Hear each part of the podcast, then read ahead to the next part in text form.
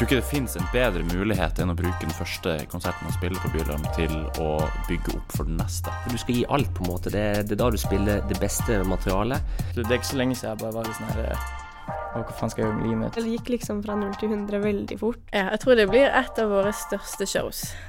Denne episoden skal handle litt om booking og Bylarm 2021. Og for at dere skal få et godt innblikk i bookingen vår, har jeg med forsterkninger fra vår egen administrasjon. Vi har snakket litt om hvordan bookingen av Bylarm foregår, og hva som er essensen av en Bylarm-artist og en Bylarm-booking. Jeg skal da snakke med både Sverre og Joakim fra vår administrasjon. I tillegg så skal vi høre fra tre artister som er booket til Bylarm 2021. Fiji Trip, Veps og Luna.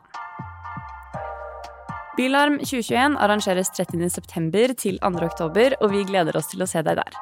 Podkasten er laget i samarbeid med Norsk Tipping, med tilskudd fra Fritt Ord. Jingle dere hører, er laget av Jonas Hibiki. Jeg heter Agnes Steen Eckersberg, og dette er Bylarm Backstage.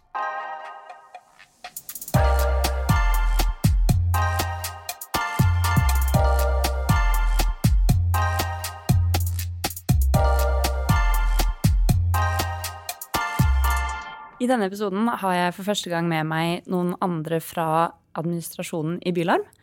Det er Sverre, som er bookingsjef, og Joakim, som er programansvarlig. Og Sverre booker også for Parkteatret, og Joakim driver plateselskap i tillegg. Jeg har veldig lyst til å snakke med dem om først og fremst hvordan man kan utmerke seg når man får spille på Bylarm. Sverre, vil du begynne? Hvordan man kan utmerke seg eh, når man spiller på Bylarm. Mm. Eh, da tenker jeg jo i utgangspunktet det at det bare handler om å levere en eh, vanvittig bra konsert ganger to. fordi det er sånn for de aller fleste artister at man spiller to konserter i løpet av festivalen. hvor den ene gjerne er på en litt mindre scene, og den andre er på en litt større scene. Sånn at man får vist seg i to forskjellige formater, og at man nå da får sjansen til å bygge en slags hype mellom de to konsertene sine. Eh, og da for å utmerke seg er det ofte fint at man kanskje kan levere to ulike typer show, eller man kan eh, se på om det er alternativer eh, som ikke funka på det første showet, som kan brukes på det andre showet. Og på den måten da skape en litt variasjon og vise en litt mer helhetlig inntrykk av, av seg sjøl som artist, og, eller som band, for den saks skyld. Du nevnte at vi, vi booker jo artister til å spille to konserter. Eh, Joakim, vil du fortelle litt om hva tanken bak det er? Altså, det er noe vi har arva som kommer fra første Bylarm i 98, var det vel. Eh, så det er der det egentlig kommer fra. Så jeg vet egentlig ikke grunnideen annet enn at jeg eh, Jeg vil jo anta at man gjør to ganger 30 minutter konserter. Det betyr jo at man deler opp en konsert, så man slipper all bullshit. Man slipper all sånn snakke med publikum. Eller for å si det sånn, man bør ikke waste tida si på å snakke med publikum, drikke øl. Man, man, altså man, det skal egentlig være to ekstranummer. For du skal gi alt, på en måte. Det, det er da du spiller det beste materialet og på ekstranummeret. Og det er da du på en måte gir på en måte jernet. Det er da alle er liksom litt fulle og gira, og alt skjer. Så egentlig så skal du spille to ekstranummer. Uh, så da kutter du egentlig bullshiten all fyllmassen i en konsert. For meg, Til og med når du går på en uh, Neil Young-konsert, så er det jo fyllmasse. ikke sant? Det er, Selv om du har så mye bra låter som han har, så er det jo ting som ikke interesserer alle. Men ekstranummeret er fylt med liksom bare eh, diamanter. ikke sant? Det er de, de, du skal få fram. Så det tror jeg er viktig med å spille de to eh, konsertene. At man eh, rett og slett gir jernet i 30 minutter og eh, kutter helt inn til beinet og bare gi publikum og bransjefolkene det de vil ha. Hva med, hva med, strategien om å ha to forskjellige scener, som du Sverre nevnte? Eh, det er jo mange f.eks. Eh, festivalarrangører eh, som er på Bylarm og leter etter artister til sin, til sin neste festival. Eh, og de har jo gjerne ofte da både en stor og en liten scene. Eh, og da kan man jo vurdere, hvis man får sett en artist to ganger f.eks., så kan man vurdere hvordan scenestørrelse den artisten gjør seg best ut på. Og trekker de mye folk, så er det jo kult om en artist får spille på den store scenen, liksom. Eller leverer det, klarer de å fylle en scene. Det er jo mange artister som ikke enda liksom er som spiller bylarm, som er helt uetablerte artister som ikke er klar for å spille på en stor scene. og Det kan jo da være litt sånn avslørende da, hvis man kommer dit og ser dem og de ikke klarer å fylle scenen ordentlig.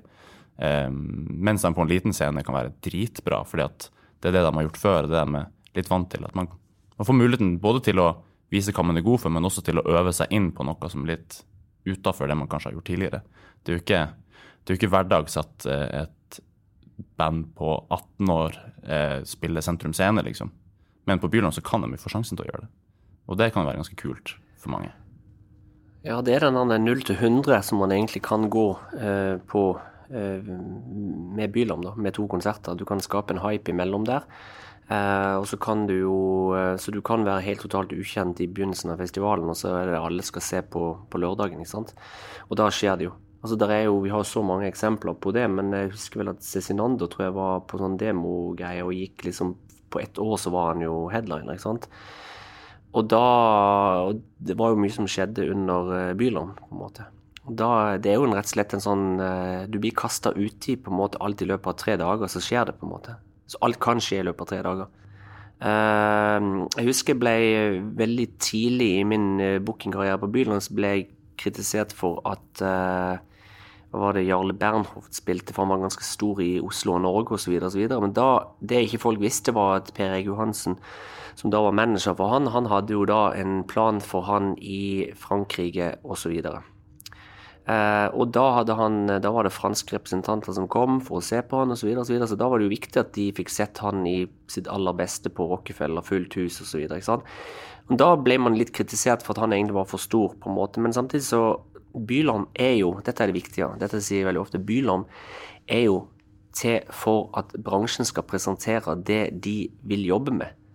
Eh, og vi er i utgangspunktet bare utstillingsvindu. Så det handler ikke om hva meg og Sverre liker av musikk. Det handler om hva bransjen på en måte vil presentere på Bylarm. Og da må vi bare sortere, for vi, nå må vi si stopp, for vi kan jo ikke ha med alt. Så vi er på en måte, på en måte et slags filter øh, og får det til å, å, å, flyte. Man skal presentere noe nytt. Det er jo derfor det heter eller blir kalt showcase-festival. Det, det, er på en måte et sted hvor bransjen skal presentere bandene sine. Og da er det jo sånn at eh, de har jo eh, eh, tanker bak sine eh, valg for hvorfor en artist bør spille. Og i det tilfellet med Jarl Bernhoft så var det jo på en måte at eh, de ville spille for et utenlandspublikum, eller utenlandsk bransje, da. ikke sant? Det er ikke så alltid så lett for den vanlige publikummer i Oslo å um, få øye på.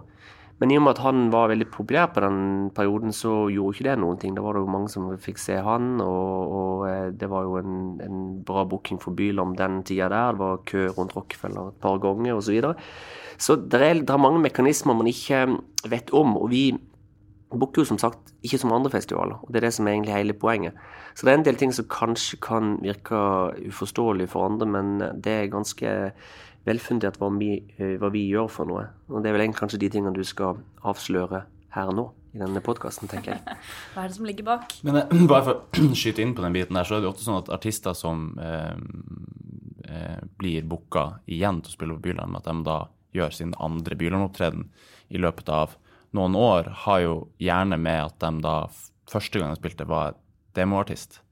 De ble plukka ut av demojuryen, og som da som et helt ukjent, uetablert band som kanskje kun demojuryen da hadde hørt om noen gang som et prosjekt, og at de i løpet av den festivalen eh, de var demoartist på, eh, kanskje ble signert, eller kanskje året etterpå så ble de signert av, av noen selskaper som eh, med tida ser at det er naturlig å satse for det bandet eller den artisten i utlandet, eller i en større sammenheng i Norge.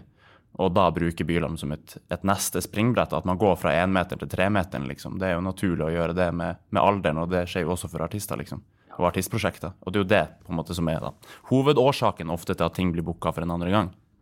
Så vi står på en måte i en, en ganske stor spagat. Eh, men det er jo det som gjør at det er gøy å booke festivalen. Men eh, nå som dere er her, kan ikke du Joakim, fortelle litt om eh, hva det er som egentlig gjør at man utmerker seg i den demobunken? Fordi vi har jo en ganske enorm liste å komme oss gjennom når vi, når vi hører på demoartister. Hva, hva, er det du merker deg? Vi har jo eh, ca. 1000 hvert år. Eh, og vi er bortimot 30 eh, mennesker som jobber i eh, musikkbransjen, som samles i helg og hører på gjennom absolutt all musikken der. Og det er helt forskjellige folk. Fra forskjell, det er unge, gamle alle slags kjønn, etnisitet og jobber, og både i eh, folk som jobber i, på en måte i spillesteder og festivaler og i publishing osv. Så, videre, og så, videre. så det er liksom ganske brei eh, musikalsk smak, da. Men eh, Bylam har jo veld, en veldig bra database hvor, vi, eh, hvor du melder deg på. Og den syns jeg jo faktisk en, er, den, Det er noe som har fulgt oss fra eh, gamle tider. Og det er at du laster opp på en slags sånn backstage, som vi kaller det, som vi går inn og ser på. Eh, og der laster du opp eh, bilde, eh, tekst, en låt, og du kan laste opp en video. Og her mener jeg at eh, her går det an å gjøre veldig mye rett. Fordi at vi sitter jo, Når du skal gjennom 1000 stykk, så sier det seg sjøl at du blir veldig fort lei. Vi er ekstremt profesjonelle, så vi vet akkurat hva vi skal lese etter. Vi bare skanner gjennom det som står. Vi leser jo ikke alt, vi bare, vi bare blaffer gjennom veldig kjapt. Vi hører på låten veldig raskt.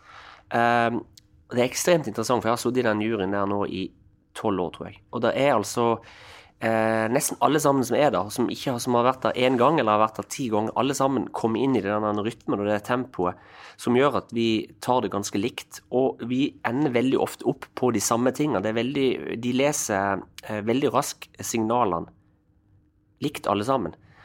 Eh, og det er det vi skal snakke om nå. Det er de signalene du, du sender ut, på en måte. For det er det som egentlig musikkbransjen handler om. Det handler jo ikke bare om musikk. Jeg pleier alltid å si at hva hadde Kiss vært uten maske? Eh, Jeg er lei av å si det for en liten klisjé, på en måte, men hele poenget er at det er jo eh, Det har veldig mye med image å gjøre, det har veldig mye med alt annet å gjøre. Så eh, hvordan du presenterer deg, det er viktig. Men det viktigste er jo at du faktisk bruker tid på å presentere deg. At du faktisk gjør det ordentlig. For hvis vi ser noen bare sluntrer unna, for det er masse folk som sender inn en sånn halvveis søknad Vi har hatt alt mulig rart. Det kan være folk som bare la- laster opp en låt, ingen informasjon. Da gidder vi ikke høre på det. Det går bare rett i søpla. Altså Hvis folk ikke gidder å gjøre en ordentlig flid med søknaden, så gidder ikke vi heller å gjøre ordentlig flid med å vurdere. For da pisser de på oss og sitter der. Og det som vi ber om de om å legge opp, det er for at vår jobb skal være lettest mulig. Jeg vil også at man ikke bør skrive for langt. Eh, en ting som er veldig går igjen, har gått igjen i alle år, det er at folk har, eller band har veldig store problemer med å tørre å innrømme hva de er inspirert av. Og det vil jeg bare si, gjør, skriv heller hva du er inspirert av, for det hjelper oss veldig mye, for da kan vi sette det i kontekst. Det er alltid, Si at, at du er interessert i Hvis du liker Sonic Youth, så er, har vi noen eh, Sonic Youth-eksperter i, eh, i eh, juryen her. Da kan man på en måte sende det over til den personen som har ekspertise på det. Hvis du bare sier at du spiller rock, ja, så kan rock være absolutt alt. Ikke sant? Og der er det veldig mange de, Du kan se at de prøver å være smarte, men de er ikke smarte. Det er mye bedre at du kommer med noen bra referanser. Kanskje noen obskure referanser hvis du virkelig liker noe som, er litt som ingen har hørt om. Så blir det enda mer spennende. Hvis noen hadde, sagt, eh, hvis noen hadde sendt en demo og f.eks. sagt at de var inspirert av Sun City Girls, ja, da hadde det, sannsynligvis hadde det bandet blitt booka med i gang. Bare for det er faktisk noen som har hørt på Sun City Girls. Skjønner du hva jeg mener? Nå sier jeg ikke at du skal skrive sånn tull, for jeg vil jo avsløre det jo fort hvis du jukser. Men det er faktisk smart å gjøre akkurat den type ting. Når du kommer til bildet, så legg litt flid i det, eh, men ikke gjør for mye. Eh, Ikke prøv for hardt. Um, video. Ikke send en video hvis det er en dårlig video. Eh, jeg fikk en video den andre dagen som det var bare så det, Jeg ser aldri på den type ting, men noen blir man sittende og se på det, for det er så dårlig at du nesten ikke tror at det er mulig. Så da er det jo Det gjelder jo å ha litt gangsyn, og hvis du ikke har det gangsynet, så blir du heller ikke booka. Så det er Vi er, vi er ganske eh, strenge. Vi er ekstremt strenge, faktisk. Vi hadde en av Norges mest kjente artister som på et tidspunkt var veldig eller kritiserte denne demogreia overfor meg, og så sa jeg bare ja vel, greit, du blir med i juryen, så kan du være med på dette her sjøl. Og den personen kom inn og skulle gjøre det beste for artisten, og skulle høre på musikken ut ifra sånn som artister hørte på og alt skulle være så der bransjefolk eh, vet ikke hva de holder på med, osv., osv. Det tok ca. 20 minutter før den bransjeartisten eller bransjeartisten, før den artisten var det mest kyniske eh, vi noen gang har hatt i juryen. Fordi at eh, man, man ser på en måte eh, Man ser jo gjennom menneskene. ikke sant? Man ser jo gjennom hva, hvordan, noen som virkelig brenner. ikke sant? Eh, det, kan være, det kan være gode titler, det kan være gode tekster, det kan være alt mulig. Og ikke laste opp for mye musikk. Vi kan laste opp tre låter. Det, man bør legge opp alle tre, faktisk. der. Det er en fordel. Eh, det bør man gjøre. Men, men det som er at eh, for vanligvis har vi ikke tid til å høre på for mye, men ikke for lite heller. Så tre er liksom det man, man gjør. Så bare vær litt eh, nøye der. Eh, Ja, det er bare, bare Tenk seg om. Det er ikke noe vits å skrive mye, men ikke heller for lite. Jeg, jeg kan ikke få, få sagt Jeg håper du skjønner hva jeg mener. Det, det er vanskelig. Det er en følelse. Men det jeg liker, er at nesten alle 30 som sitter i den juryen, responderer likt på innhold og på det de leser. Så det er en slags sannhet i når det gjøres rett. Ja. Eh, og det er jo eh, det er ikke mange som har blitt et navn i Norge som ikke har gått via demon, som ikke har kommet videre. Mm. Det fins vel kanskje noen som har blitt avvist i demon, som har blitt Gigantiske. store, ja. Mm. Men det er ikke så mange, tror jeg. Nei, ikke som jeg vet om. Jeg tror jeg bare vet om et par, par to, tre, liksom. Men, eh, men jeg tenker jo det, det er kanskje det aller viktigste er bare det at man prøver liksom å tenke hvordan ser det her ut fra utsida når du sender en søknad. Hvis du jobber med å bare presentere det helhetlig, så er det mye lettere å få liksom et, et kjapt grep på hva det handler om. Og hvis det blir veldig fragmentert og stykkevis og liksom litt halvveis, at en del av de delene du leverer, er litt halvveis, så går det ofte utover det andre du leverer inn også. Så kommer man med liksom et, et solid helhetsinntrykk, så er det ofte noe som eh, lettere blir eh, fort lagt merke til da, av, av juryen også. Men det må jo si, hvis du sier at du er inspirert av Foo Fighters og Led Zeppelin, så, liksom, så, så tenker jo ikke jeg kanskje at det er noe som passer på Bylarm heller. Så man, kan, man må jo virkelig liksom eh, eh, tenke seg om når man melder seg på, og hva man vil, og skjønne hva Bylarm egentlig skal være. Og hva skal det være? Jo, det skal være ungt, nytt, friskt, nyskapende. Eh, forhåpentligvis det viktigste av alt er uansett så er det gode låter. Og eh, nesten like viktig som god låt er et eget sound, at du har noe originalt, noe som man kanskje ikke har hørt før. Og det virker jo egentlig totalt umulig, og det er jo det. Men prøv å gjøre noe nytt. Det som jeg sa eh, tidligere her, at eh, Nirvana eksempel er jo i utgangspunktet det største rip-off-bandet in the history. Du kan jo plukke de ned i fire andre band som de har totalt rippa. Men når de satte sammen de fire bandene, så ble det jo nytt. Eh, det ble stort. Det ble eh, det beste albumet på 90-tallet. Eh, så det ble jo ny musikk basert på de referansene som de hadde. Så det var jo ikke Det var jo nyskapende, men det var ikke nyskapende. Men det var likevel friskt og nytt. Så det er jo eh, Ja, det er jo en følelse. Mm. Musikk er jo følelse. Ja, absolutt. Men hva har du følelsen av at det er nytt og friskt nå da, Joakim? Men det vet jeg på en måte ikke før jeg uh, hører det, rett og slett. Det er jo uh, Nei, det er jo helt umulig å si. Du skjønner det. Altså, jeg liker f.eks. ikke country, men jeg husker det ene året vi uh, Jeg kan faktisk ikke fordra country. Og det var faktisk det ene året så hadde vi faktisk min nummer én favoritt var da Dette er liksom 20 år siden. Sånn, det var faktisk et, et countryband. For du bare hørte at det var eh, fantastisk bra. At de visste hva de holdt på med. Eh, og det er jo deilig når man, eh, når man hører at noe er bra, selv om man ikke liker musikksjangeren. Så Og hvert år så blir man jo overraska. Ja. Det kan være et hardcore-band, og det kan være en folkartist. Det spiller ikke noen rolle hva jeg hører på privat. Det har noe med at man skinner egentlig litt igjennom den demobunka der. Og det skal man jo gjøre når man kommer på Byland. Man skal på en måte skinne igjennom, sånn at publikum skjønner at her er det noe ekstra. Og det er jo veldig ofte at eh, Eller mange har jo faktisk blitt breaka på Byland på Herr Nilsen, som er en veldig liten scene. Og det, om det er på en måte at man kommer nærme eh, bandet, eller om det er rett og slett fordi at bandet kommer mer igjennom der, ikke vet jeg. Men det er på en måte Det handler om å komme til folk, på en måte. Og gripe dem på et eller annet vis. For igjen, musikk er følelser, så da skal du jo på en måte gripe de i salen, og du skal også gripe vi som blir presentert den musikken. Hvorfor hører du på musikken du hører på? Hvorfor trykker du på den låta på Spotify? Har du lest om det? Har du hørt om det? Hvorfor er det noe som gjør at du er fan av det bandet du hørte på? Tenk over hvorfor dine favorittband, hvor du hørte de første gang, hva du likte med når du oppdaga det for første gang.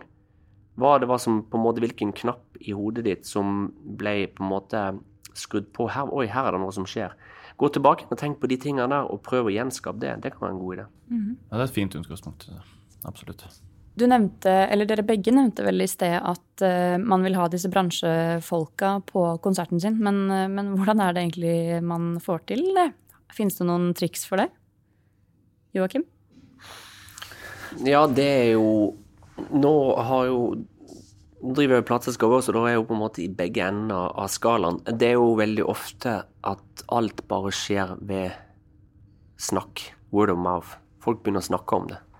Men da må det jo bli snakka om av noen folk som har troverdighet. Som sier at 'det her må du bare se'.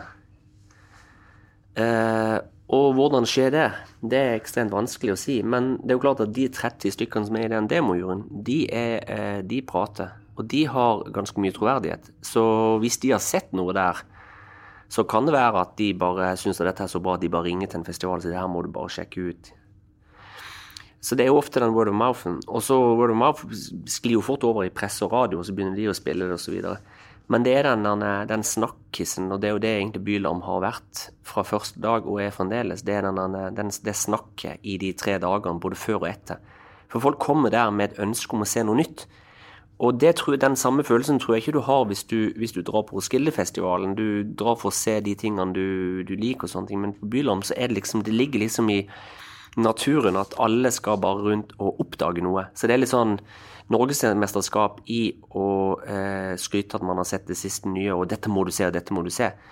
Alle som er veldig interessert i musikk, de har jo en egen evne til å si sånn eh, akkurat den type ting. 'Har du sett det?' For de skal vise, for de skal hevde seg sjøl på et eller annet vis. Uh, og jeg er selvfølgelig akkurat sånn uh, som alle andre på, det, på den måten der.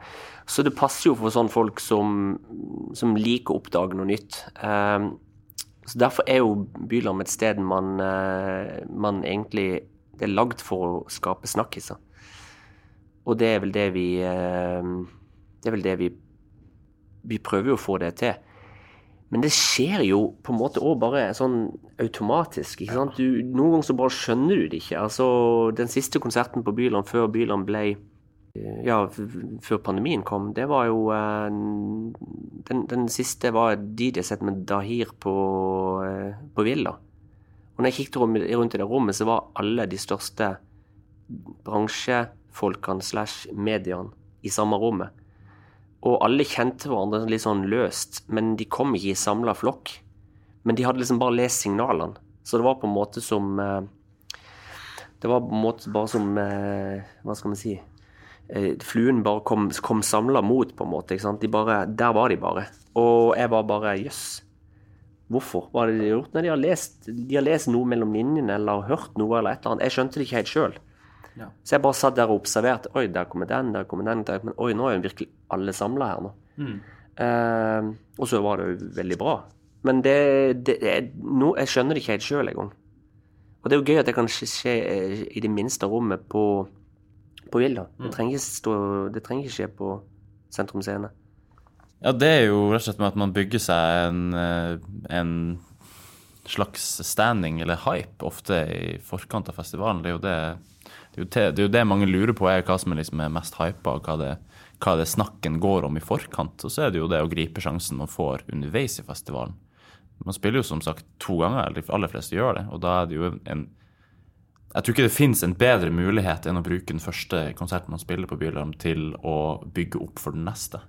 Mm. Og at man på den måten eh, sørger for at det er fra torsdag klokka halv ni når du har gått av scenen på Revolver, og de to neste døgnene til, fredag, til lørdag klokka ti, hvor du skal gå på scenen på ja, Kulturkirka, for å si noe. Eh, at du bruker den tida mellom deg godt, ikke bare sjøl alene, men at du bare sørger for at det blir prata om det, på et vis. Eh, skap den der eh, Sørg for at jungeltelegrafen går og bare visper sammen alle sammen, liksom. Det, det, er jo det, det, er jo det måte, den festivalen er til for. Det er jo en showcase-festival på den måten at det skal være så aktuelt at du kan virkelig føle, føle at det her er ikke aktuelt. Det var ikke aktuelt for en uke siden, det er aktuelt akkurat nå som jeg står her, akkurat nå, og opplever at den artisten her faktisk breaker på et eller annet vis.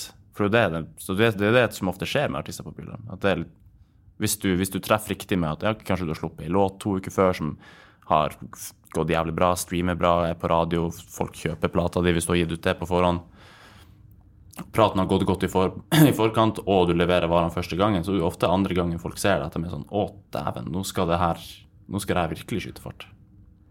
Men husker det ene året du snakket veldig mye om uh, Taco Bitch. Ja. Jeg vet ikke hvor det kom fra, om du hadde sett det på forhånd, eller om du hadde hørt den demoen. Men du mm, nevnte det akkurat så mange ganger at det poppa opp på en god del rad radarer, og så ble det jo òg etter hvert eh, De ble vel ganske Ja, ja. sett òg, på et eller annet vis. Ja. Men ha- Hadde du sett et, et annet sted, eller hadde har du hørt den demoen før, eller bare liker du den type musikk? Det var jo i demobunken, det, rett og slett. Jeg satt, jeg satt og, Før demohelga så jeg satt og scrolla igjennom, og så syns jeg det var så mange Det jo det var jo 1400 navn her, ikke sant. Og når du scroller igjennom, så får du ikke med deg noe, men enkelte ting bare lyser opp, liksom. Og da. Så sto Taco Bitch der, Ja. tenkte jeg faen, det må i hvert fall være noe fascinerende med den gjengen der som gidder å kalle seg sjøl for det. Um, så går jeg inn på det, og der var det jo bare et bilde av eh, noen folk kledd opp i aluminium med en taco mellom beina, liksom. Og så var det bare et jævlig pikslete bilde, minnes jeg. Og så tror jeg så noen shades med noe lys som liksom gjenspeila seg i de, i de solbrillene. Og så var det fremdeles så pikslete at det var helt umulig å se. Det kan godt være det var noe helt annet på det bildet, egentlig, men det var det jeg trodde det var, og det som minnet mitt er av det. Og så hadde de lagt opp noen låter som jeg tror det var bare sånn eh, snippets, liksom sånn ett og et halvt minutt kanskje av, et, av to låter. Så hørte jeg det, og så tenkte jeg å, Jesus, det her er jo noe som har Det er liksom det, det, er fett musikalsk, syns jeg, da. Og, eh, og det virket å ha også en slags sånn sjokkeffekt på folk. Eh, når man hører det, Jeg blir iallfall jævlig satt ut. Så visste jeg det for noen andre, og så syntes de det var jævlig kult. Og så kommer demohelga, og så merker jeg jo det at når vi hører gjennom det, at mange blir relativt satt ut av det og lurer på hva det her er for noe. Og så var det vel bare den nysgjerrigheten som blir skapt rundt hele den, det inntrykket de ga da i løpet av, gjennom sin demosøknad, som, som jeg tror for mange eh, ble liksom utslagsgivende på at eh, man hadde lyst til å se hva det var for noe live. For de hadde jo alle spilt live før. Det var jo hemmelig hvem de var. Jeg tror fremdeles en dag i dag at de ikke har liksom avslørt sin identitet eh, i gåsøya. Eh, selv om det jo for mange er kjent, da. Men eh, når de kommer på Bylarm og folk ikke vet hva det er, de har hørt bare at vi har prata om det, og at andre har prata om det De hadde ikke sluppet noe musikk da heller, så det var jo Det var rett og slett bare Det var virkelig bare ordet på gata. Um, kommer dit, og de har et Jeg tror de spilte ganske seint på blå på første, første gigen sin på torsdagen. Og det bare tar helt av. Det koker der inne. Og når det koker så jævlig første gangen de spiller, og det er bare dansere, og det tar helt fullstendig av, eh, så ble det jo åpenbart eh, Talk of the Town eh, de neste to døgnene. Og da hadde de jo, da var blå deres liksom store venue, og så ble neste venue de skulle spille på, var Revolver. Og der var det Jeg var ikke Jeg prøvde ikke engang å komme meg inn på Revolver, for jeg skjønte at det var ikke noe sjans. Eh, men jeg ble fortalt at det var lang kø bortover gata, og masse folk som ikke fikk se det. Og dem har det jo gått kjempebra for siden den gang, for å si det sånn. Ja, det, det er jo et godt eksempel. Ja, vi har sikkert mange av de opp gjennom tida, men det er i hvert fall sånn nylig eksempel. Jeg, jeg har fremdeles ikke hørt de. Men, eh, men eh, jeg har bare hørt fordi at Sverre snakket om de andre begynte å snakke om akkurat det du, det du sa nå. Så derfor så ligger det jo på en måte eh, i bevisstheten min der på et eller annet vis. Og de har da skilt seg ut på et eller annet en eller annen måte. Ja. De har rykka tak i deg, da, og det kan jo egentlig være nok. Ja. Um, det er alltid det jeg pleier å si når man spiller for publikum, så må man alltid spille som at det er den siste konserten noensinne. Det er jo derfor Oasis ble Oasis, for de var egentlig supportband for et annet band som skulle bli oppdaga. Og Ellen McGee var der for å se eh, det andre bandet. Eh, kom eh, litt for tidlig. Det supportbandet Oasis spilte, eh, var ingen folk i salen. Jeg tror det var han og to andre. Men han sa at det så ut som at de, eh, de spilte, spilte sin siste konsert eh, på kloden. Han hadde aldri sett så mye energi. De bare ga alt, og det var krangling, og det var liksom Alt var og da Han ble jo bare helt sjokkert, så han endte opp med å signe de. Eh, de ble verdens største band. Eh, og det var bare fordi at de rett og slett De sto ikke surmula og tenkte det var bare tre stykker i salen. De var bare De spilte ikke for noen andre seg sjøl. De var bare de var i sin egen boble, så de ga helt fullstendig blaffen i alt. Eh, og det er jo noe herlig med det. For husk når vi booka Tursa til, til eh, Eh, Nå er jeg fan av henne i utgangspunktet, og sånne ting, men har aldri sett henne live. Men når hun sto på mono den gangen, så var det som at hun bare Hun var bare, Det var bare som du var på en øving. Hun var bare helt i sin egen verden, men ikke på en sånn arrogant måte. Mer at som sånn Jeg er i bobla med min musikk, og jeg liker å være her. Og dere slipper inn, dere får lov å høre på meg, men, men, eh, men jeg bryr meg egentlig ikke om det, for jeg er i det sjøl, på en måte. Eh, og du bare skjønte at hun kom til å bli noe, for det var bare så, det var en sånn letthet. Hun prøvde ikke. for det var sånn Skulderen kunne ikke bli mer senka. Alt var bare litt sånn eh, stoned og fjernt og sløvt, og du trodde på det. Hun prøvde ikke så hardt heller. Det var jo bare helt fantastisk. Så det har liksom det, og det der Waze-eksempelet, der bare vi spillet som den siste det er, bare, det, er umulig det er umulig å si. Det er liksom bare en følelse, og det er eh, karisma til band og folkene som spiller der, og det er hvordan eh, reaksjonen er for publikum osv. osv. Det er så mye som spiller inn, og det er jo ikke noe fasit på det. Så det viktigste er jo å eh, være seg sjøl. Det er jo et så et greit nok råd og et vanlig råd, men det er liksom å ikke prøve for hardt heller. Det tror jeg er ganske viktig. For det er det som var inspirerende med, med Tursa, at hun var så hun var så i det at du så at hun trodde på det sjøl. Eh, at hun var fornøyd med det hun gjorde, og det var nok for henne. Å være fornøyd med det hun gjorde sjøl. Da blir andre òg fornøyde. Eh, og det er jo det samme jeg sier som når man driver plateselskap, at så lenge jeg liker det som plateselskap, det jeg utgir, så lenge jeg liker det sjøl, så vil jeg tro at noen andre òg vil like det. Og hvis det er noe jeg, jeg, at hvis du lager ei plate som du bare tenker at å, den plata ville jeg kjøpt, så vil jeg jo tro at noen andre òg vil gjøre det. Så det betyr jo at man egentlig aldri skal eh, eh, når, I i plateselskapet så har jeg et mantra om at man aldri skal bare si 'whatever' og bare la det gli. Bare spiller ikke noen rolle, bare la de holde på. Man skal liksom virkelig i, være i det, man skal, man skal brenne for det. Og det tenker jeg gjelder for bandene òg, at man ikke bare skal si 'whatever' og gi faen. Man rett og slett skal prøve å få det til å Altså, man skal være i det. Jeg klarer ikke å få sagt det på en annen måte. Eh, man må på en måte Man må brenne for det sjøl. Det er jo smittsomt. Ja, da blir det jo det, forhåpentligvis. Så du må rett og slett legge sjela di i det. Og da Forhåpentligvis så ser noen den sjela, eller føler den sjela. Vi booker ikke for en stemning eller for, eh, for noe annet. Vi booker på en måte det som vi tror at bransje og presse og publikum har lyst til å se, og så vil på en måte energien på festivalen avgjøre om vi har gjort det rett. Og så vil ettertida eh, på en måte dømme oss. Men de ser jo aldri hva vi gjorde feil, de ser jo alltid bare hva vi gjorde rett. Så det er jo, det er jo vår fordel, så vi kommer jo nesten unna med alt.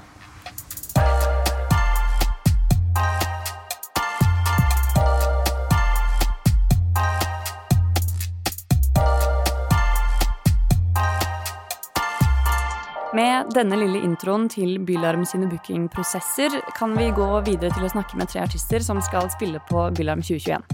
Disse har allerede kommet seg gjennom nåløyet, blitt booket og skal spille. Jeg gleder meg til å høre hva slags tanker de har om å spille på Bylarm, og eh, for å bli litt bedre kjent med dem som artister. Først skal vi høre fra Fiji Trip fra Alta. Hans musikk høres litt sånn her ut.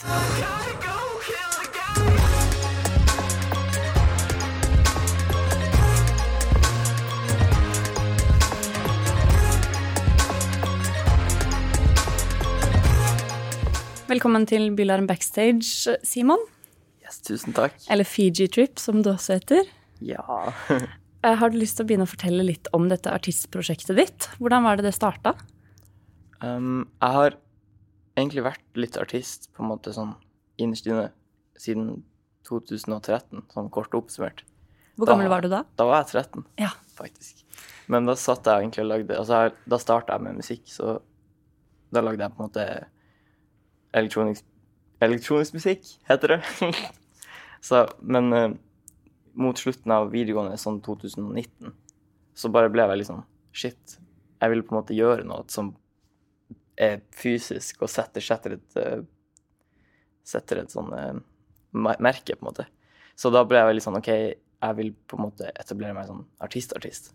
For du kan på en måte være artist før du debuterer som artist. Ikke sant? Så jeg på en måte Da bestemte jeg meg da, i 2019 for å bli sånn artist. Eh, før det så har jeg på en måte spilt i forskjellige DJ-grupper og band og litt sånn her, og gjort litt forskjellig. Men da bare var jeg sånn OK, nå skal jeg gjøre min artistiske visjon og bare få den ut, på en måte. Så det som skjedde, var at da putta jeg først ut musikk på Soundcloud og på Urørt. Mm. Det var en sang som, som jeg lagde, som heter New Shoes. Jeg tror jeg lagde den sånn i russetida, for jeg var ikke så mye russ heller. Jeg var sånn litt russ, men jeg var liksom Jeg var på noen fester, og så ellers så var jeg bare og lagde beats og sanger. ikke sant? Prøvde å fokusere på det. Så lagde jeg New Shoes. Den la jeg ut på Urørt. Um, og så var den bare der gjennom sånn juni og juli, og så plutselig så så jeg at jeg hadde fått en mail fra et sånn um, en fyr som heter Chad. Og han, han jobber i dag et sånn, eh, sånn indie um, record company, liksom. Mm. Label. Så det var veldig sånn rart. Jeg bare sånn OK, liksom jeg, jeg var ikke sikker på om det her var en scam eller ikke. For det, det kan jo også være Det kan jo være sånn her skikkelig dårlig kontrakt, og du ender opp med å bare ikke eie sangene dine i det hele tatt. Uh, men jeg var veldig sånn low. Jeg var sånn OK, jeg har ikke noe tap akkurat nå. Jeg vil bare få gjort kunsten min, uansett om det må bli exploited av noen andre. liksom. Jeg, bare, jeg vil bare gjøre det nå. ikke sant? Ok. Og så det, jeg bare signa med de. Um, så da gikk det da fra gjennom hele 2019, sånn høsten, og til um, Var det kanskje mars i 2020, Ja. så breaka det ut. Ja. Da på en måte droppa jeg den første singelen min, Not Like, i pandemien, da. Så Ja. pandemien hadde nådd å starte før jeg nådde å etablere min Altså debutere offisielt. Så det var veldig sånn. Vi drev og joka med det. da. Bare sånn, ah, vi skal debutere midt i en global pandemi. Det var før det skjedde. Det var før det hadde kommet til Norge.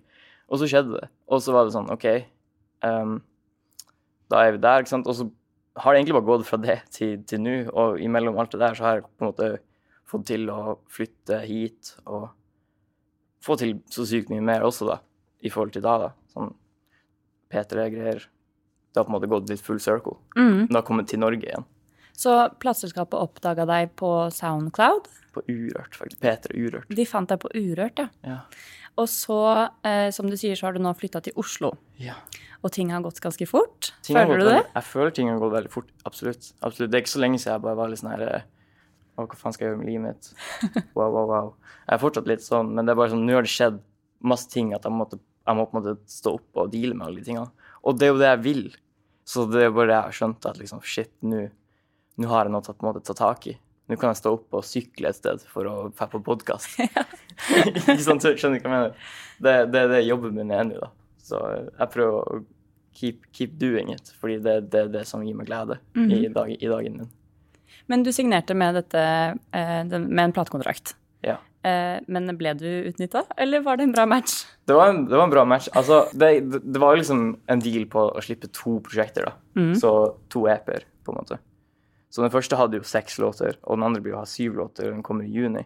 Så det er på en måte Jeg vil ikke kalle den en EP, men det er på en måte to EP-er-deal. Så um, og Men det, var- gir jo deg muligheten til å gjøre det du vil. Absolutt, det gjør jo det. Og de putter jo inn alt det de vil gjøre uansett. Både for at de også skal tjene penger. Det skal vi ikke legge skjul på. Men det er liksom, de putter inn ganske mye for å pushe det. Så de har jo på en måte bygd opp all den der eh, hypen, da. De fikk jo eh, fok- fokuslåter fra første EP-en til å være på BBC Radio 1, liksom, på, på det, sånn premiere, liksom. Så det sånn, det er veldig crazy, sånn for min del, da. Så jeg tror ikke at jeg hadde sittet her, hadde det ikke vært for det labelet. Mm. Skjønner du hva jeg mener? Det, det vet jeg at det ikke hadde vært. Så det er jo bare sånn en veldig rask vei inn i hvordan industrien fungerer for meg, da. Jeg visste jo nesten ingenting da. Da var det bare sånn Skal man få major label, liksom? Skal man ikke få det? Skal man få det ut av ingenting?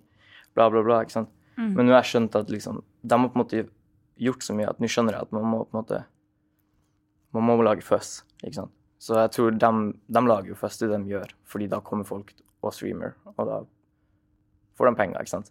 Men de, de er jo ikke låta mi 100% så det er det som er viktig, at jeg på en måte fikk folk til å se på kontrakta med meg, da. At ikke jeg bare var helt blind også. Så det var ikke helt krise. Men Nå ut som det er litt krise, men det er ikke krise. Nei, nei, Jeg tror bare at jeg har lært så mye at jeg vet at fra nå av så er det sånn OK, vi kan, vi kan gjøre sånne her ting. men vi kan også prøve å tenke nytt og på en måte kanskje gjøre det alene også. Mm. Det går også an, liksom.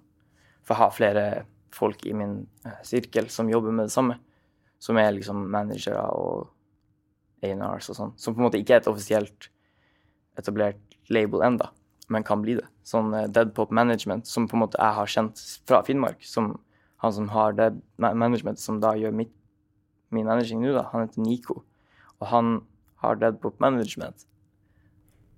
Ikke sant? Han er fra mm. Vadsø, og det er Finnmark. ikke sant? Så jeg har på en måte folk som jeg på en måte nå prøver å pise sammen til å bli liksom Ditt team. Ja, mitt team. Og All Things Live hoppa jeg på på grunn av at eh, BBC skjedde. Og det er av DND. Så det er bare veldig mye sånn Ting har skjedd, liksom. Du har jo god oversikt, da. Ja, jeg prøver. Nå bare føler jeg at jeg babler i rot her, men det, det er Jeg prøver å male et bilde. Ja, men det er interessant å se hvordan det har utviklet seg, da. Det er litt Men gøy. når, når tempoet går opp, hvordan går det med det kunstneriske da? Jeg, um, jeg syns på en måte at jeg er best når jeg sitter, når jeg sitter i mitt eget hode og lager mine egne sanger, på en måte. Um, så når det er sånn si, plutselig fem stykker som skal si ja eller nei, håper jeg å si, eller de skal jo ikke det heller, da, men når det er fem stykker som skal se det, på en måte, Som skal si noe? som skal si noe, ikke sant, da blir det plutselig veldig sånn Kanskje jeg er klar over det når jeg lager kunsten. Eller kanskje ikke. Men jeg tror um, Jeg tror det er det som har prega meg litt, da. Men på alle de første sangene på den første EP-en jeg droppa i april i 2020, da var alt på en måte prega av at jeg satt hjemme. Alle, alle jeg på en måte hengte med, hadde reist for å gå på skole. Og jeg bare satt i Alta og var sånn her OK, nå skal jeg lage sanger, ikke sant. Da måtte jeg bare deale med meg sjøl og sende litt sanger til det labelet, da. Og det var veldig mye mer sånn isolert. Det var veldig tydelig at jeg bare veldig sånn, jeg bryr meg ikke, jeg bare lager det jeg føler akkurat nå. Mine, veldig sånn pure, bare et speil, på en måte. Så jeg tror det har prega meg litt da, at nå på en måte tenker jeg litt mer sånn Og liksom Hva funker, hva funker ikke?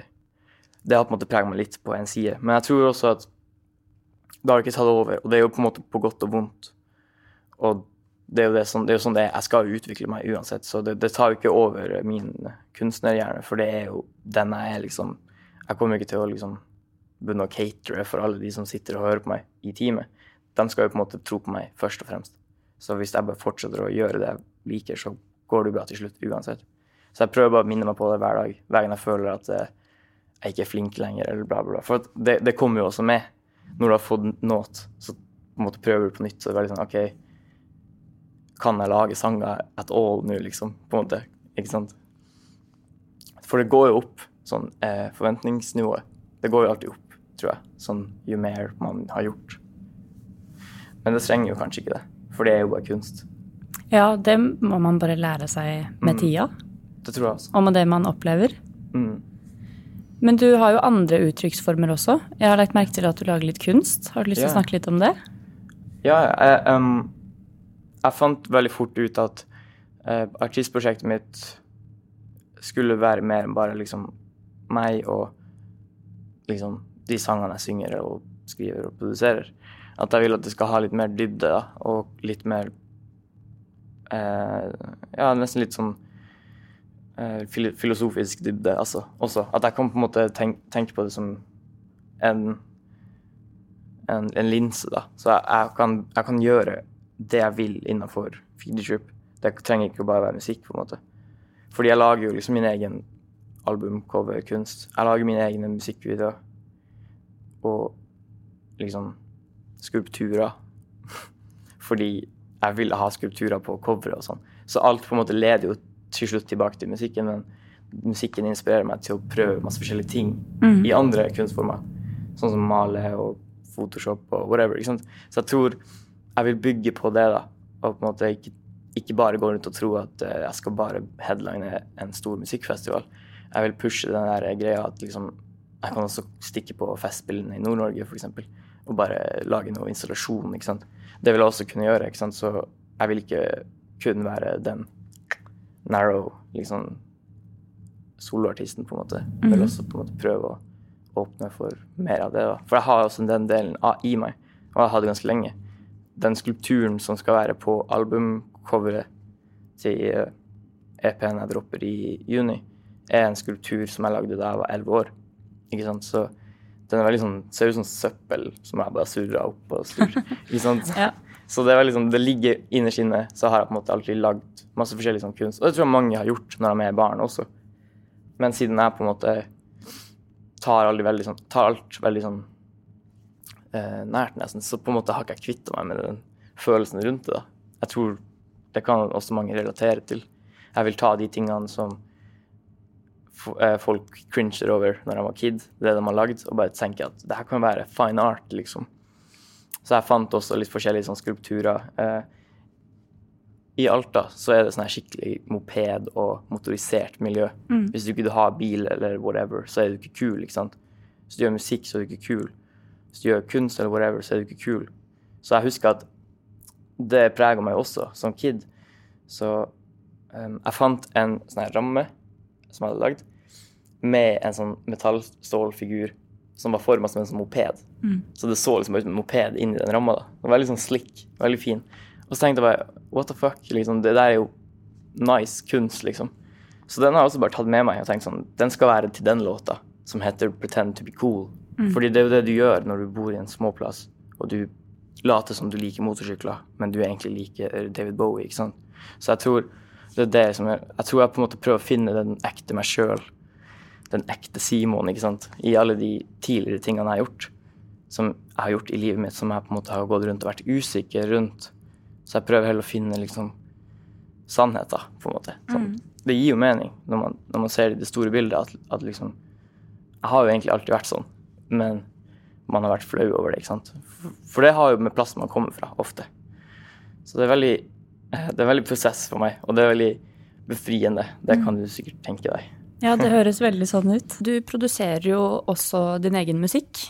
Ja, Eh, Det har du gjort helt fra starten av. absolutt. Har du lyst til å fortelle litt om den prosessen med produksjonsdelen av det? Ja. Um, det er veldig mange som har sagt sånn her Shit, en Feedership-sang har jo ikke noen regler. Oh my god, Feedership, du har ikke noe brand i musikken din. Eller på en måte, jeg, sånn, jeg prøver jo å opprettholde noen av de samme lydene fra låt til låt, men det er ikke så tydelig egentlig heller. Så jeg tror det er veldig gøy. Jeg har snakka med en kompis i går som bare Yo, det er ikke sånn der, hver gang du slipper en sang, så vet jeg ikke hva jeg skal forvente. Og jeg syns det er veldig artig, fordi det er det jeg vil. Det er det jeg liker. Jeg liker jo det med andre artister jeg hører. At liksom de, de prøver noe nytt hver gang. Det, det syns jeg er kult å pushe, den ideen. da. At det trenger ikke å, det trenger ikke å låte, låte som um, en ny, en ny, en ny trenger ikke låte som en ny Coldplay-låt hver gang. Eller en ny Skjønner du hva jeg mener? Hver gang du lager en ny sang, så høres det ut som deg sjøl. Jeg tror den greia er litt død, for å være helt ærlig. Sånn, man må på en måte tenke litt sånn hvis man skal prøve å bygge noe fra bunnen av. Men liksom sjangre og liksom gjøre det samme som artist med én sjanger, det tror jeg, den greia tror jeg er litt sånn well, gjort sin greie, liksom, tror jeg. Så mange som fortsatt gjør det. Det er lov, det er ikke det jeg sier. Men jeg tror bare at liksom, man har også lov til å bare ikke bry seg om det. Sånn go crazy, liksom. Jeg kan også si at tenk på Queen eller David Bowie. Hadde de hatt muligheten til å bare back then gjøre noe helt annet, produksjonsmessig også? For det kunne de på en måte ikke. De hadde liksom ikke alle syntene i verden og Alterboy og Echoboy og alle de syke pluginsene du får tak i i dag. De hadde ikke autotune. De kunne ikke lage hyperpop på 70-tallet. Men hadde de hatt muligheten, så hadde de faen meg lagd hyperpop på 70-tallet. Skjønner du hva jeg mener? Jeg tror ikke, tror ikke det er liksom Jeg tror David Bowie prøvde så godt han kunne til å pushe sjangere, han også, liksom. Eller Queen, eller Kate Bush, eller Whitney Houston, Michael Jackson. Jeg tror alle dem har på en måte hatt den greia, dem også. Så jeg tror, jeg tror bare vi har kommet så langt. Det har noe med teknologi å gjøre også. Teknologien har bare gjort så mye tilgjengelig til oss. Det er det som gjør det så vanskelig også, samtidig som det er så fritt. Det er det som er også viktig å ta med. Det er jo vanskelig å skjønne om det er kult å gjøre noe helt, helt annerledes også, fra det man har gjort. Så jeg tror bare det er sånn Først og fremst må man jo skjønne det sjøl. Hva som er konstanten i sitt eget visjon, tror jeg. Vi gleder oss i hvert fall veldig til å se deg live. Ja. Har du noen tanker om det? Ja, ja. Jeg, jeg stod og øvde litt eh, først sånn by myself. Mhm. Um, det, det er veldig gøy. Jeg um, syns um, det er veldig artig å lage show. Sånn. Um, jeg tror også sånn mye sånn Det går mye tilbake til sånn, nesten DJ-perioder. For jeg var ikke så flink å DJ. Jeg prøvde å DJ noen ganger. Men jeg tror også det har mye med å um, nesten lage litt sånn kule overganger og sånn. Det er jeg veldig into. Så jeg har veldig mye ideer der på hvordan jeg vil gå fra låt til låt.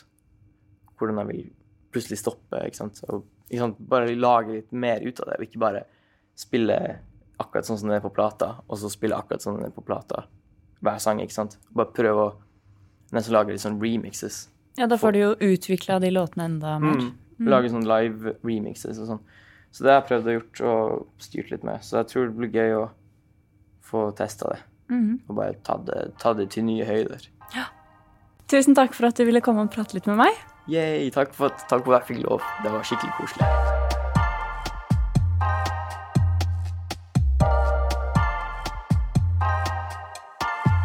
Bandet Veps består av Helena, Laura, Maja og June. Jeg har snakket med Helena og Laura, som kom rett fra skolen til kontoret for å ta en prat med meg. De går fortsatt på videregående, hele gjengen, og det er allerede knyttet store forventninger til bandet.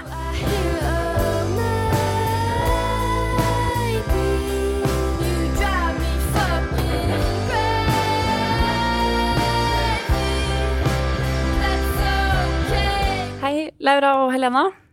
Hei, hei. Velkommen til Bylarm Backstage. Tusen takk. Dere spiller jo i bandet Veps. Dere er to av fire medlemmer. Mm. Kan ikke det, dere fortelle litt om eh, hvordan Veps eh, starta? Hvor lenge er det siden, og, og hvordan var det dere fant fram til hverandre? Vi har jo spilt sammen i tre år nå. Ja. Siden i april var det tre år. Ja. Og ehm, Helena og de, alle de andre gikk på eh, barneskole sammen. Og så møtte de meg på ungdomsskolen. Jeg og Helena ville starte band, og så hadde vi ikke nok medlemmer. Ehm, og på samme tiden så holdt vi på å lage en kortfilm med June og Maja. Og så ble det nevnt at vi ville starte band når vi tok opp en dag. Og så slang de seg på. Og June og Maja er da de to andre i bandet. Ja. Ehm, det er jo ganske lenge siden. Dere har jo kjent hverandre Mm. lenge. Ja. er det en fordel når man skal begynne å spille i band sammen? ja, jeg vil si det. Det er liksom Når man er så gode venner, så blir det lettere å si fram ting og snakke om ting og ja. Det er liksom lettere å ha det gøy sammen også, da, når man først og fremst er venner. Ikke bare jobber sammen, på en måte. Mm. Hva med uh, sounden til bandet? Hva, var det noe som bare kom av seg selv? Har Ja, dere en felles musikksmak? Jeg tror ikke vi Altså, vi er jo alle glad i sånn uh, gitarbasert type musikk, eller litt sånn uh, indie-type greier. Men vi er alle glad i forskjellige sjangere. Og så, når vi skriver, så kommer på en måte hver person med sine elementer, da, fra det de hører på. Og så har det bare blitt sånn. Mhm. Mm. Hvordan er det dere jobber med musikken, da? Spiller dere sammen og kommer fram til liksom Skriver hver låt sammen? Det er litt forskjellig. Noen ganger så kommer en av oss med liksom en idé, da, og så videreutvikler vi den ideen sammen. Eh, eller så kan noen komme med en ganske ferdig sang, og så gjør vi den bare litt mer til veps. Men ellers noen ganger så er det bare sånn vi finner Og dette var kult på øving, og så begynner vi å skrive en helt ny sang sammen. Så det er veldig forskjellig. Mm. Og så er det av og til sånn eh, Hvis noen går gjennom noe spesifikt, f.eks. en i bandet gikk gjennom en, eh, et brudd for en stund siden, og da var det sånn at vi Det ble en slags eh, terapisession, da, hvor vi liksom satte oss ned og snakket om det, og så sa vi OK, nå skal vi skrive om dette, og så skal vi Så baserer vi det på opplevelsen til den personen, da. Mhm. Så dere er jo alle fra Oslo. Mm. Så dere er jo et skikkelig sånn Oslo-band. Starta på de små scenene i Oslo, eller? Ja. ja. Litt sånn ingensteds og mono og Dattera til Hagen og sånn. mm. Fordi det gikk jo ganske fort oppover. Gjorde det ikke da dere først starta? Eller holdt dere på en stund liksom for dere selv? Det var Jeg tror Det var en stund for oss selv. at Vi, vi øver jo på AKS, så det var liksom AKS-konserter som vi liksom var først og fremst det vi gjorde. Mm, Og så det tok litt tid før vi liksom spilte andre konserter liksom utenfor de AKS satte opp, da. mm, jeg, jeg tror det var på når vi begynte på videregående. Og da fikk vi venner som var mer musikkinteresserte da, og syntes det var en større greie. Og da ja, begynte det å Begynte vi å liksom få navnet vårt litt ut i Oslo-scenen, da. Mm. Og hvordan var det det gikk eh, derfra? Nå er dere jo signa og har blitt omtalt på Clash og ting, Mm. ting skjer. Ting skjer. Hvordan, hvordan var den utviklingen? Nei, ja. jeg vet, det var liksom korona, så alt var stengt, så vi så hverandre nesten ikke. Og så var, var Vi fikk ikke øvd. Og så plutselig så får vi liksom en, en DM på Instagram av manageren vår som var sånn Hei, dere er kule. Kunne dere tenke å jobbe med meg? Og så var vi sånn Hva er dette? Vi var helt, det var en helt fremmed verden for oss, og så plutselig så fikk han oss i kontakt med sånn masse forskjellige mennesker og masse ting som vi bare ikke visste var en greie i industrien engang. Og så Ja, altså, det, tok, eh, det ble, gikk liksom fra 0 til 100 veldig fort. Og, vi fikk, og samtidig så fikk vi ikke møtt hverandre, vi fikk ikke øvd. ja. Samtidig som alt dette skjedde. Så vi så hverandre liksom over liksom skjerm, da. Mm. Og så skjedde alt dette greiene som vi ikke visste hva var. Så det var veldig gøy og skummelt samtidig, da. Mm. Det er jo utrolig morsomt å høre at sånn, dere får denne meldingen, og så sitter dere bak hver deres skjerm og bare Hva skal vi gjøre? ja. Nei, det var rart. Men eh, det har blitt veldig gøy, da. Mm. Er det lagt mye planer rundt dere nå? Det er det. Mhm.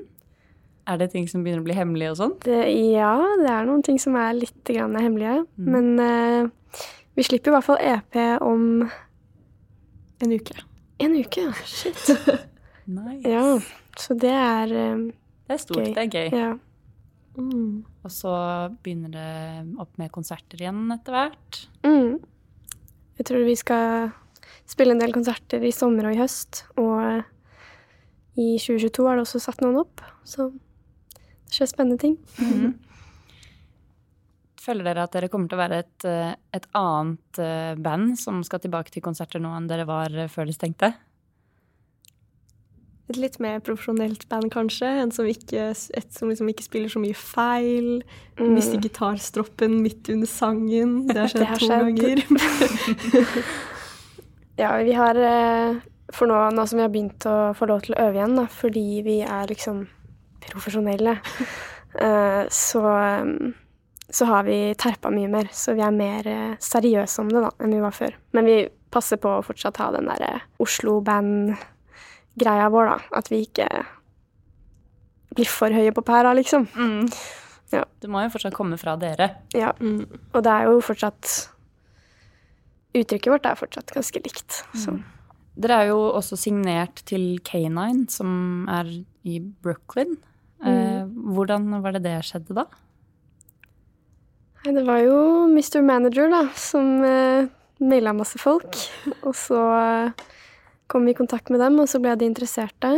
Jeg tror de liker litt sånn Vi har litt samme syn på eh, musikken, og at eh, Vi har liksom For de er et sånn DIY-label, de er veldig sånn hjemmeeid, og de gjør ting veldig fritt, på en måte. Og vi er veldig for eh, den typen filosofi, da, at vi har kreativ frihet, og at eh, vi bare kjører på med vår greie. Så det var en ganske bra match. Eh, men tilbake til eh, musikken deres. Um, hvor er det dere får eh, inspirasjon fra? Fins det noen, eh, noen andre band dere er inspirert av, eller eh, sjangre, eller Jeg tror ikke vi har ett spesifikt band som vi følger eller ser opp til. Det er jo litt tilbake på det med at alle har sin egen musikksmak, og alle har eh, egne elementer som de kommer med når vi skriver.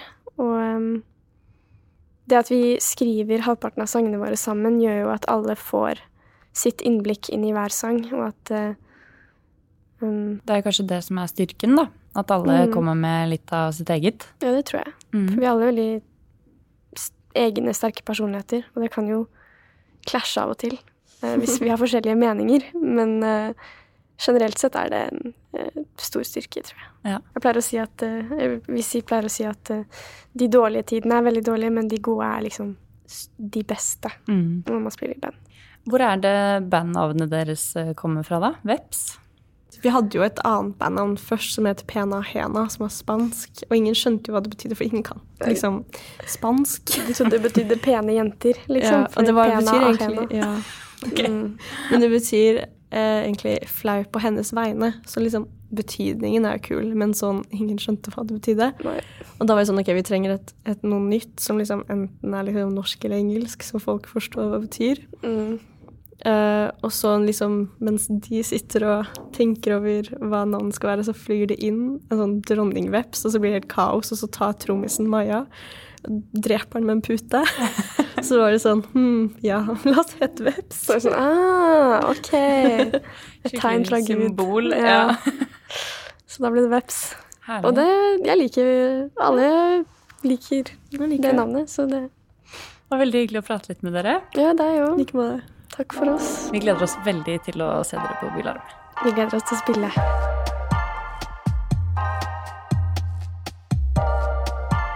De som følger nøye med, vet eh, kanskje at Luna fra Bergen spilte på Bylarm i 2020. Nå har hun booket igjen, og jeg gleder meg til å høre om utviklingen i hennes karriere.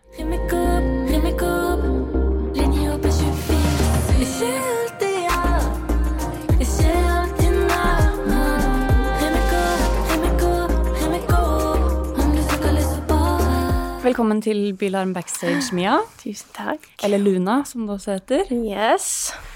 Jeg har veldig lyst til å først høre litt om hvem artisten Luna er. Hvem Luna er? Herregud, det er lenge siden jeg har svart på det spørsmålet. Mm.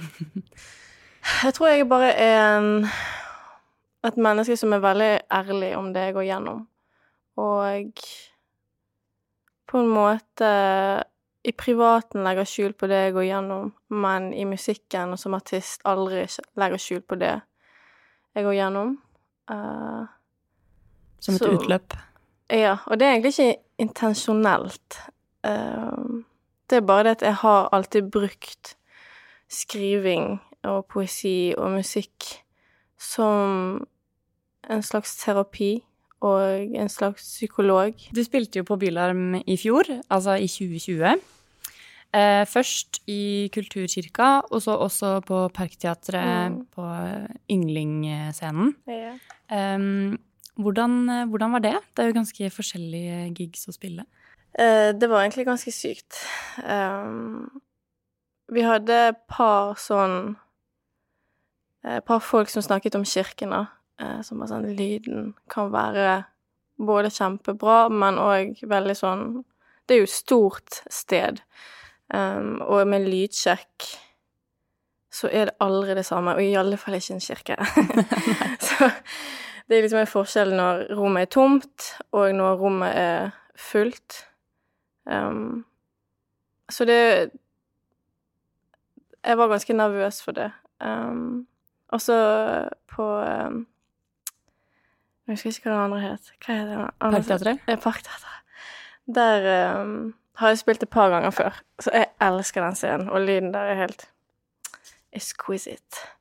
Um, jo, med hele Bylarm-opplevelsen Jeg hadde jo den um, samtalen med Lars Vaular òg. Det var Mhm. helt sinnssykt. Så hele den helgen der var helt, helt sinnssyk. Det var sånn Kanskje en av de beste periodene mine, da, faktisk. Jeg husker meg og Leo bare sånn Hele, hele helgen bare Herregud. Og Leo er manageren din. Ja, Leo er manageren min, broren min og han som lager beats. Du nevnte for meg i sted før vi begynte innspilling at det var den siste konserten du spilte. Mm. Um, på altså Det er jo mer enn et år nå. Ja, Det var og et februar. Ja. Mm. Hvordan er det for en, eh, for en artist som, eh, som egentlig eh, bør spille live? ja. Og liker å spille live, og vil spille live? Det er jo dumt på så mange måter at jeg savner den energien, og jeg er egentlig ganske sånn sjenert person. Veldig lukket, egentlig. Um, så det tok mye i meg for å slippe meg løs på scenen. Uh, og altså, jeg hadde gått på scenen en god stund før Bylarm, og da skjer bare en wave i momentum at du blir mer confident, og du snakker med folk som har vært og sett, eh, og tweaker på ting du kan gjøre bedre, og så. Og da, når du gjør det ofte nok, så blir det jo bare en habit. Og nå er det så lenge siden jeg har gjort det. Ja, Så, Liten eh, terskel for å komme seg tilbake. Ja. Og jeg har jo vært alene i mitt rom uh, i ett og et halvt år, liksom. Så um, jeg er nervøs for det, men jeg tenker at jeg har kjent på det før. Jeg føler at det blir som å sykle. Mm. Sånn når du Ja. Du kan jo støtte deg litt på P3 Gull, eh, Årets liveartist-nominasjonen din. ja men så blir det jo sånn Hvis det er drit bare så er det bare hun nominert. Men uh, Nei, jeg er skikkelig spent. Ja, jeg tror det blir et av våre største shows Mm. på Byland. Og det òg å planlegge shows, det kunne vært jobben min bare generelt. Videoer og shows Åh, jeg elsker det der. Det At ting er planlagt med lys, med lyd, med Altså, ja, intro, outro, alt. Det er liksom noe jeg elsker. Så Og den prosessen vi holder på med nå, det er spennende. Mm. Så det blir gøy. Hva tror du den største forskjellen for deg blir fra, fra da du spilte i fjor til du skal spille i år? Største forskjell For det første meg. Jeg har forandret meg veldig mye mentalt. Fordi mentalt i fjor, på rundt ja, februar og før og litt etter, så var jeg egentlig ganske langt ifra det jeg kaller meg, da. Og det har skjedd sinnssykt mye eh, i 2020. Så eh, i 2020 Vi slapp eh, EP-en vår. Og planen vår med EP-en var egentlig å slippe den eh, rett etter bilen. Um, og så Vi signerte um, med Petroleum sånn to dager før I all went down. um, og så signerte vi med Timeout. Um, og da tenkte vi OK, vi bare venter til dette går over. Det kan hende det tar sånn to uker, liksom. en Det tenkte vi alle. så det bare, da slipper vi EP-en, da. Da har vi faktisk litt mer tid. Eh, For jeg husker i de møtene så var det sånn Men vi har tenkt å eh, droppe EP-en nå. Så bare sånn at dere er klar over det. Um, og så gikk det et par måneder, da. så den slapp vi i høst. Um, og det var ganske rart, for de sangene er veldig gamle, eh, og tekstene. Så til, når vi slapp de, og til og med nå, så er jeg ikke på samme stedet eh, mentalt. Sånn som da de sangene var skrevet for kanskje tre år siden. Da var det veldig mye angst. Da ja, levde jeg av angst, liksom. Eller i angst. Um, så nå er det mer at jeg har realized mine prosjekter Fordi vi er ganske sånn prosjektartister, da. At vi legger veldig mye i mer enn bare én sang. At vi ja, blir veldig fokusert på en helhet. Ja. Um, og det blir chapters av mitt liv i forhold til lyd, uh, visuals og tekst. Bare sånn som jeg sa, at jeg er bare ærlig om det jeg går gjennom.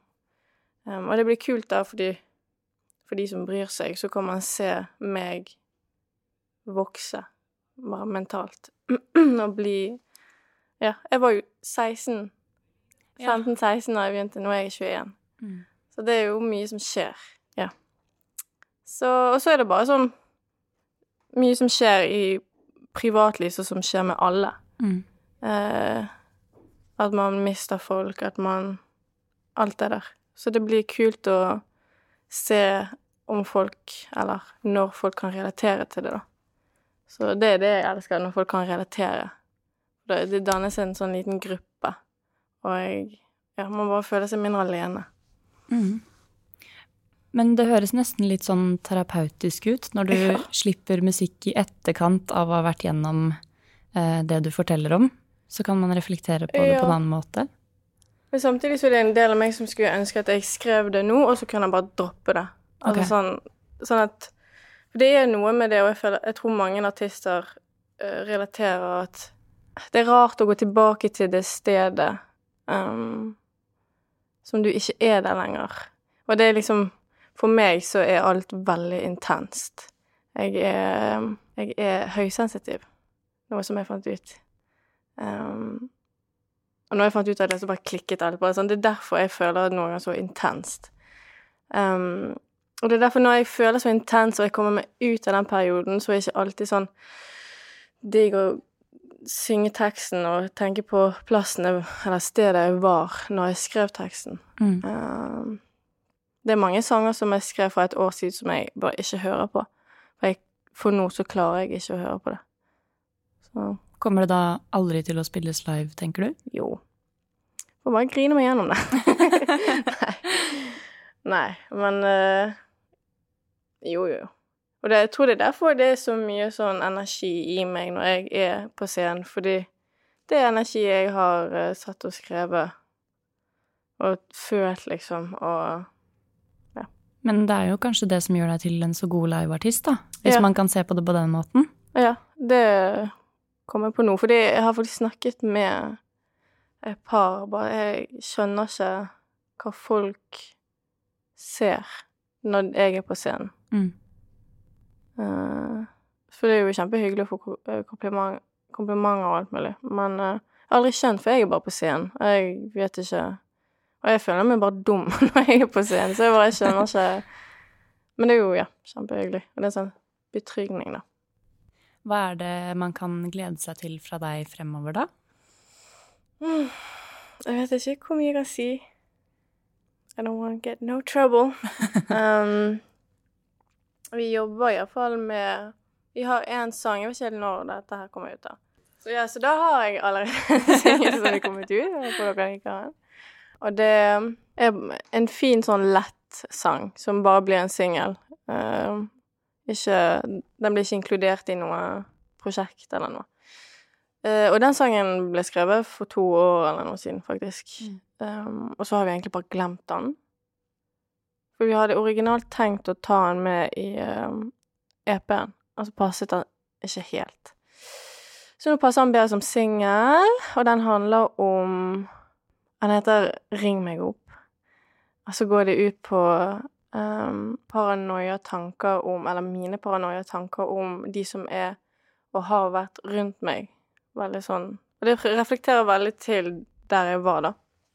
Men sånn, hvem Hvorfor er egentlig du venn med meg?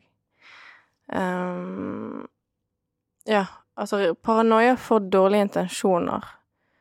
Uh, og paranoia for å Sånn som alle føler, ende opp alene og. Masse greier inni der. Men sa ikke du nettopp at dette var en litt lettere låt? Altså, lettere i lydbildet. Jeg synger det glad. Mm. Men jeg tror ikke jeg, jeg klarer faktisk ikke Jeg var i studio med Kjartan Lauritzen. Eh, og så prøvde vi å lage en sånn glad sang. Og jeg, jeg klarer ikke å lage glade sanger. Jeg blir helt sånn Jeg har ikke skriveevnen til en glad sang, liksom. Men det du omtaler som eh, prosjekter, eh, hvor, hvor er det det begynner? Mm, Hva er det som setter i gang et nytt prosjekt? Jeg tror først og fremst så er det lidenskapen vår for, for andres prosjekter og eh, musikk. At vi elsker musikk, Leo og meg. Um, vi deler utrolig mye musikk med hverandre, og meg og han er så Meg og han er twins, altså sånn Vi liker akkurat de samme greiene. Jeg er jenteversjonen av Leo, liksom. Um, så jeg tror det starter der, at vi For eksempel, da. Uh, vi får mye inspirasjon av Kid Cuddy eller PNL, som har bare en helhet i alt. Video, tekst, cover, konserter. Og det går i flere år.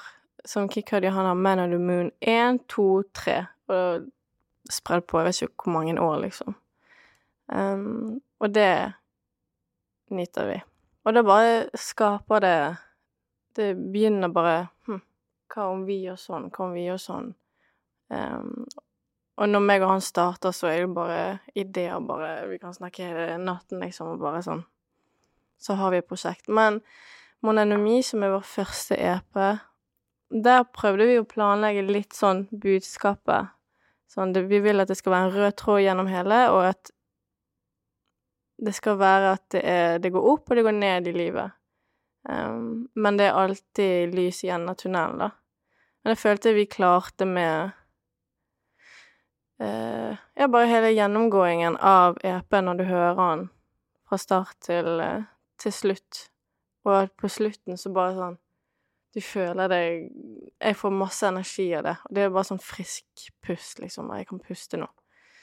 Um, mens med denne her EP, eller ja, prosjektet som vi holder på med nå, den har egentlig bare formet seg sjøl, og det har vært skikkelig gøy til å se. Um, for vi bygget et uh, studio hjemme hos um, Leo i fjor. Og så, siden det, har vi bare Vi har faste dager der vi går i studio. Um, og for første gang så har vi liksom så mange sanger. Før så var det sånn OK, vi har konsert. Vi har 30 minutter. Vi må lage en sang for å liksom holde de 30 minuttene. Mens nå har vi sånn 40 sanger på lager. Det har aldri vært et tilfelle hos oss. Um, ja. Du Så- ser veldig fornøyd ut når du sier det. Ja, for det har bare Jeg husker bare stresset på at vi har en konsert på lørdag. Vi må lage en sang, liksom, sånn at det holder de 30 minuttene. Så må jeg huske teksten, og så må jeg på scenen. Det var helt forferdelig. Um, men som sagt, den første EP-en vår, den ble um, Vi planla litt sånn OK, hva temaet jeg vil For da var jeg allerede preget av så mye angst, og vi visste vi at det, OK, det kommer til å bli mye angst. Eh, men så er det viktig å ha sånn Ja, men det går bedre. At folk ikke bare lytter på den og Herregud, nå er jeg bare trist, liksom. Og minnet på at uh, Ja. Um, mens her hadde ikke vi noen spesiell plan, liksom. Vi bare lagde sanger i pandemien. Og så ble det til et slags prosjekt, da. Som er kanskje sånn 75-80 ferdig nå. Mm. Og jeg har cover klart, jeg har Så alt er good. Takk for at du ville komme og snakke litt med meg. Takk for at jeg fikk komme. Tusen takk for at du hørte på denne episoden av Bylarm Backstage. Nå tar vi en liten sommerferie. Vi høres igjen etter sommeren, og vi ses på Bylarm 30.9. til 2.10.2021.